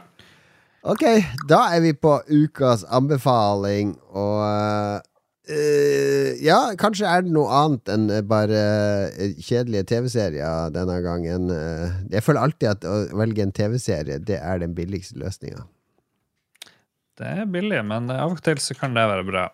Jeg kan begynne med en ny bokanbefaling. Jeg har tidligere nevnt serien Painting the Mist, som jeg har fullført alle 18 bøker som har kommet ut på. Det tok meg fra vi var på Formel 1 til nå, så jeg har jeg lest 18 bøker av litt sånn shoddy Jesus kvalitet. Lord. Men, uh, men fengende. Nå er jeg i gang med en ny serie som heter Dungeon Crawler Carl. Som òg er en slags uh, sånn her uh, bokserie hvor det er progresjon og litt sånn nesten stats. I noen av de bøkene jeg leser, så er det faktiske stats, og det er det her. Karakteren går inn i en dungeon. Um, storyen er ganske kul, uh, syns jeg. Plutselig en dag så er Carl uh, i leiligheten sin. Han har slått opp uh, med dama, eller planlegger å slå opp med dama. Oh, Men han må passe katta. Close to home for Philip her, så relaterbart. Relaterbart for Philip. Og han må passe katta til kjæresten, da, eller eksen. Uh, katta hopper ut av vinduet. Carl går ut i, i uh, snøstormen i sånn crocs og, og slåbrok. Og, og relaterbart for Dag Thomas. og så ser han at alle hus blir flatlagt. De bare blir knust ned i bakken. Så alle som er innendørs i det her øyeblikket, blir drept. Og så kommer det en sånn melding til alle på jorda som har overlevd. Dere eh, er nå tatt over av en sånn corporation Eh, eneste måten dere eh, kan liksom få noen ressurser å gjøre noe på, det er at dere må finne nærmeste entrance til en ny dungeon. Så må dere klare å Hvis dere klarer dere i 18 levels nedover i bakken, så vinner dere hele planeten. Og så sendes det her som TV-underholdning for hele galaksen, eller et eller annet sånt. Meget, meget artig konsept. Litt far-fetch, da? Veldig far-fetch. Det er ikke noe for deg som krever litt sånn uh, realisme. Her er kun underholdning. Ja. Og han først han møter det noen sånne goblins og sitt safe-rom hvor han får en tutorial, og katta han har med seg, den forandrer seg til en sånn beast som kan snakke. og Det er jo det barnebok der. Det kalles litt RPG. Eh. Litteratur-RPG. Det, jeg Ja. skjønte det er en sjanger, det der. Ja. Er underholdende. Stor underholdning så langt. I bok én. Ja. Ja, ja, ja jeg, jeg må innrømme jeg er litt nysgjerrig på det, for jeg tror jo jeg hadde likt å lese det. Nå jeg driver jeg heller og prøver å lese gjennom hele Culture-serien. Det er jo Jeg er ikke så lettbeint som Dungeon Crawler Carl, Carl, tror jeg. Nei, Culture-serien Er det der romskipene har sånne kule navn? Ja, det er jo Ian uh, Banks. Ian sin, Banks. eh, Ja. serie. Veldig mange bra bøker der. Noen er litt bummer, noen er bra. Ja, jeg driver og krangler mye med kona, for i Culture-serien ikke sant, så har menneskeheten kommet så langt at mennesker trenger jo ikke å jobbe lenger. Altså de har maskiner som gjør alt. Og da står du fritt til å realisere deg sjøl som du vil, så folk driver bare og går inn i sånn maskin for ja, nå har jeg lyst til å være dame. Og så, og så lever man noen år som dame, og så lever alle evig, og så eh, Hva gjør du da når du ikke eh, trenger å Altså, hvordan realiserer du deg sjøl? Det det, jeg mener jo at vi skal dit en eller annen gang. Kona mi mener jo at det er eh, galskap å ikke jobbe. Har du lest den der hvor de drar og spiller sjakk? Eller de Ja, ja, sånn det er bok to. ah, Det er, eh, det er de Player of Games? Nei, hva heter det? Keiseren av universet ved, ved å vinne den eh, avanserte sjakkturneringa. Den er kul. Ah, den er veldig bra. Det er en av de bedre. Ja, det er like, culture. Jeg liker Ian. Banks eh, generelt. Han skulle vært forfatter. Han er ideallivet mitt som forfatter, Ian Banks. Jeg leste en sånn sak om han på Eurogamer nå. Han døde jo for noen år siden. Og så kommer alle culture-bøkene ut i sånn ny collectors-greie. Så leste jeg den saken om han, han uh, For han var skrivinga var ikke sånn der lidenskap eller greier. For han skrev hver november, så slo han av telefon, og så satt han i tre til fire måneder og skrev boka si det året. Var ferdig sånn i mars. Og skrivejobb for han, det var bare å skrive. Altså skrive ting ut. Blablabla. Ikke overtenke, ikke lage masse eh, plan, ikke sitte og nippe rødvin og ha den kreative prosessen. Var, han gikk jo og drodla på en bok gjennom hele året, og så var det bare å sette seg ned og skrive den ut. Og så fra mars fram til november, så var det ok, da, nå skal jeg ikke skrive. Da kjørte han rundt i fe Ferrarien sin og dro på vingårder og drakk whisky og eh, for ut og spiste og møtte venner og dro til Rivieraen og, og så noterte litt her og der, her og der. Og så når det kom november igjen, så er det sånn Sånn, nå ses igjennom tre-fire måneder. Bom, borte. Snakka- Skrev han en bok på tre-fire måneder? Det er ja, for han, han snakka ikke med noen. Eh, Da han sov, spiste og skrev. Og For det, var, det er jo vinter, altså hva ellers skal jeg gjøre? Det, det er da han liksom isolerte seg, skrev bøkene, og så levde han livet resten av året. Men nå fikk vi jo et frempek på hvordan livet til Jon Cato kommer til å bli når vi kommer dit at han ikke trenger å jobbe. Han kommer bare til å spille inn podkast i tre måneder på vinteren, og så bare I reise rundt i Ferrarien sin i I wish. Men min anbefaling Dette var en oppdagelse. Dette er en av Mm. mine store oppdagelser i år, rett og slett. Jeg er veldig spent. Ja, eh, for, eh, fordi um, jeg, jeg, jeg prøver å holde meg litt oppdatert på musikk. Prøver å følge med på litt ny musikk. Og det er Jeg er blitt over 50 år nå. Det er jo mye søppel! altså, jeg klarer ikke å relatere til moderne hiphop ofte, eller disse nye trendene. Gammel gubbe, men jeg går ikke inn på VG sitt musikkforum og sånn og bare «Ah, det var Rolling Stones! Gi meg Rolling Stones any day over dette! Nei da, jeg, jeg gir det en sjanse. Jeg gir ting en fair sjanse, og ni av ti ganger så er det sånn Hører to-tre låter på en plate, så er det sånn Ok, eh, greit. Ikke sant? Ofte er det sånn Dette har jeg hørt før i en eller annen form, fordi det er jo Ting gjentar seg. Uh, men når det er årsslutt, det syns jeg er litt gøy, for da er Pitchfork og NMI og sånn andre musikkmedier De kommer med sånn topp 50. 50 beste album i år. 50 beste rockalbum i år. 50 beste elektronika. Og det, det hører jeg ofte på når jeg jobber. Uh, Prøver å sjekke ut disse albumene. Og jeg begynte på Pitchfork sin. På 50.-plass hadde de Andre 3000 sin eh, soloplate New Blue Sun. Og Andre, 3, Andre 3000 er jo, for de som ikke vet, det er jo han, eh, han tynne i Outcast. Uh, altså, vi kjenner jo alle uh, Og shake it, shake, shake it, shake it, shake, shake it, shake it, shake a Polaroid picture! Og så er det jo den der uh, Mama-sangen. Sorry, Miss Jackson. Sorry, Miss Jackson. I am for real. I, am Bombs over Bagdad, hvis du skal tilbake til sånn old school Outcast. Jeg liker jo Outcast ganske Mm. godt. Da tenker jeg Andre 3000, sologreier. Ok, nå blir det litt eksperimentell rapp her og der. Vet du hva det er? Det er en time med samtidsmusikk der han spiller fløyte. Altså, det, at det er eh, Det er spor av biosphere her. Det er spor av eh, det, det er vakkert. Og det er stemningsfullt. Og jeg satte på den plata, forventa noe hiphop, og første låten Sjekk ut hva første låten på eh, New Blue Sun heter. Den er 12 minutter og 20 sekunder lang Og og heter- heter I swear I really wanted to make a rap album, but this is literally the way the wind blew me this time. Ja.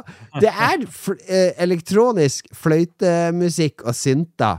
Eh, kunst det, kunne, det her, Jeg bruker det her når jeg jobber. Jeg, når jeg først hørte denne plata, så satte jeg meg for å lese bak her. Jeg sa dette er lesemusikk. Det er den perfekte lese slappe av-musikken, eh, fokusmusikken på. Jeg har hørt den plata tre ganger nå. Andre 3000, New Blue Sun. Eh, et av mine årets beste album, spør du meg. Solid anbefaling. Spennende. Må jo bare høre på det her, altså. Mm. Skal vi se. Philip noterer uh, flittig, men hva skal Philip anbefale? Jeg har veldig lyst til å anbefale andre sporet på denne plata. The slang word pussy rolls off the tongue with far better ease than the proper word vagina. Do you agree? 30 minutter i 20 sekunder Land. Dette må jeg jo høre. Uh, jeg skal anbefale en YouTube-kanal til en fyr som har holdt på lenge. Han har eh, vært rundt og sånn. Ikke noe sånn nytt spennende, men det er mest et frykt for at det er noen som ikke har fått han med seg. Eh, han heter H. Bomber Guy, altså bokstaven H, også Bomber Guy. Eh, og høres det kanskje litt rar og sær ut, og han er kanskje det også, men han lager videoessays på forskjellige typer ting. Han har laga videoessays på alt fra hvorfor Bloodborne er det beste spillet noensinne, til hvorfor DS X Human Revolution egentlig er helt greit, osv., osv. Men det han er best på, er å bare lage om forskjellige temaer som opptar han. Han hadde en kjempegod video når det kom til vaksinemotstand under covid, f.eks. Eh, han har en nesten to timer lang video om den uff lydfila fra Roblox, som det er en helt sinnssyk historie bak. Og nå sist, for eh, ti dager siden, så ga han ut en video på nesten fire timer som tar for seg plagiering på YouTube. Hva er det som skjer med denne fyren?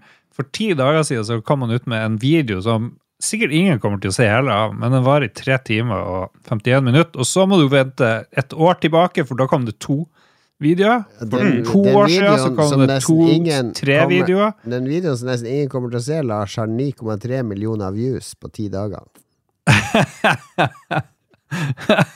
Jeg så står på mitt. Sett mot hvor mange milliarder mennesker det er på jorda, så har nesten ingen sett den der videoen. En f nesten fire timer lang video jeg har sett 9,3 millioner ganger på ti døgn.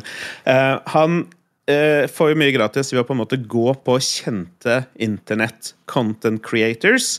Fordi det er det eh, ideen her er, er hvor mange av de folka som vi ser på på YouTube, som stjeler innholdet sitt fra andre. Helt uten å på en måte unnskylde for det. De later som ingenting. De ljuger om det når de blir busta. Det gjør ikke vi, Philip. Nei, ikke vi. Nei, nei, nei. Nei, ikke vi. Eh, all, noen andre potensielle. Ja. Um, ja, den er veldig god. Den tar for seg en internet-historien, er det kanskje noen som kjenner til, og et par andre eh, ganske store content creators, blant annet en som eh, Somerset, som er en sånn stor LGBTQ-type eh, creator, har betydd veldig mye for det miljøet og sånne ting, som Ja. blir eh, busta med buksene nede og, og, og full rulle. Og Ja, de har stjålet veldig mye av det de lager, og de casher inn helt utrolig mye penger på det. Later som ingenting. James Somerset han tjener millioner på, holdt jeg på, å si, på, på Patreon.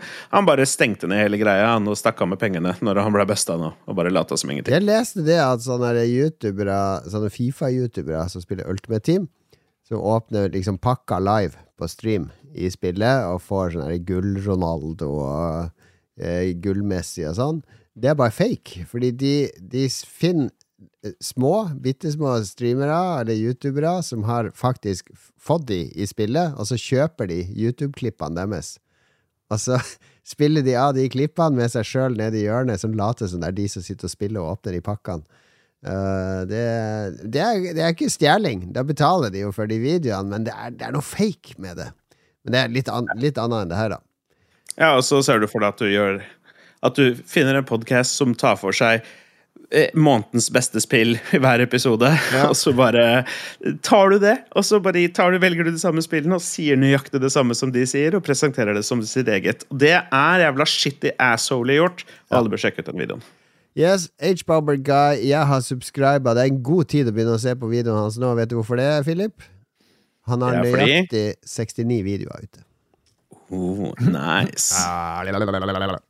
Jeg vil bare stå på mitt om at nesten ingen har sett eh, videoene hans, fordi ti millioner mennesker er sånn ca. 0,01 eller annet prosent av folk i verden. Ja, så det er jo Hvor mange hører på Lolbua, da? Ja, det er 0,00 Hysj, hysj. Vi trenger ikke å gå inn i dette. Vi skal nå takke våre produsenter. Eh, som Philip, Wassen skal vi takke dem? Jeg har, jeg har en, et spørsmål til Philip før ja, ja, ja, vi setter av. vi har jo vi har, vi har ikke kutta ut lytterspalten. Du kom med noe sånn at vi skulle ha innspill med et eller annet forrige uke. Det har vi glemt. Uh, men vi har et uh, spørsmål fra Adrian Haugen til Philip, og han trenger datingtips. Hva er dine beste datingtips, du som har nettopp vært på speeddating? Og jeg har lyst til å si noe sånn morsomt og selvforherligende, men uh, det er jo bare Drit i de datingappene. Datingapper sucks. Det er en jævla dritt.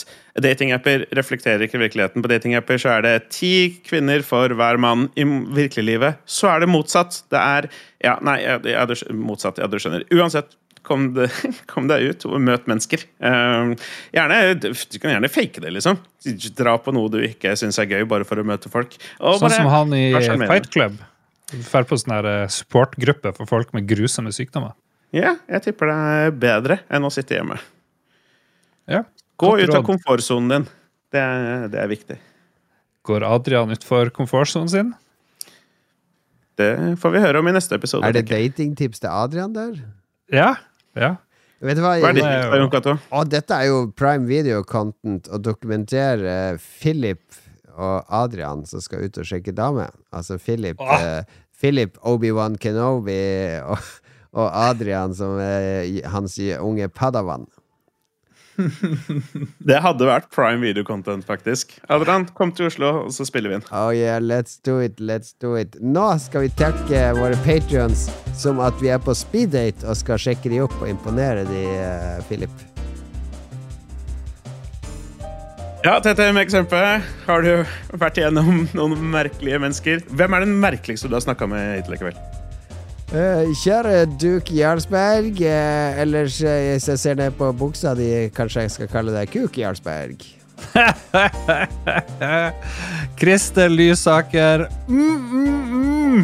Hva er du hva, Hvorfor ser du sånn på meg? Du, er du tørst? Er du sulten? Kan jeg slukke tørsten din? Boom! Nei, Bislo, jeg nekter å snakke om jobben min. Det er dritkjedelig, og vi har bare seks minutter. Så la oss snakke om noe som er mye mer spennende. Kong Hong, du er kanskje konge eh, på jobben din, men i senga er det en annen her som er konge. Woo! Hvorfor har ikke vi flere produsenter? Det skjønner jeg ikke nei, nei, nei, vi får se hvem som traff Hvem som sveiper høyre og venstre på speeddatinga der. Tusen takk for at dere hører på. Tusen takk for at du var med, Philip. Jeg håper du får en kjempefin jul. Det håper jeg også at jeg gjør, og det håper jeg for både dere to som sitter her sammen med meg, og selvfølgelig alle Lolbua-lytterne der ute. Og vi ses på twitch.tv slash lolba, folkens. Yes, følg Philip videre i julekalenderen hans. Og Lars, noen gode råd til lytterne?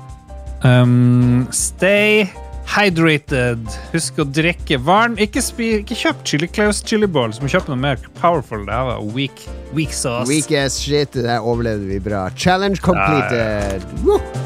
Ah,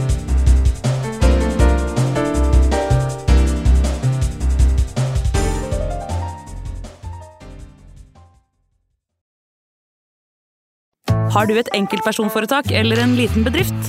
Da er du sikkert lei av å høre meg snakke om hvor enkelt det er med kvitteringer og bilag i fiken, så vi eh, gir oss her, vi. Fordi vi liker enkelt.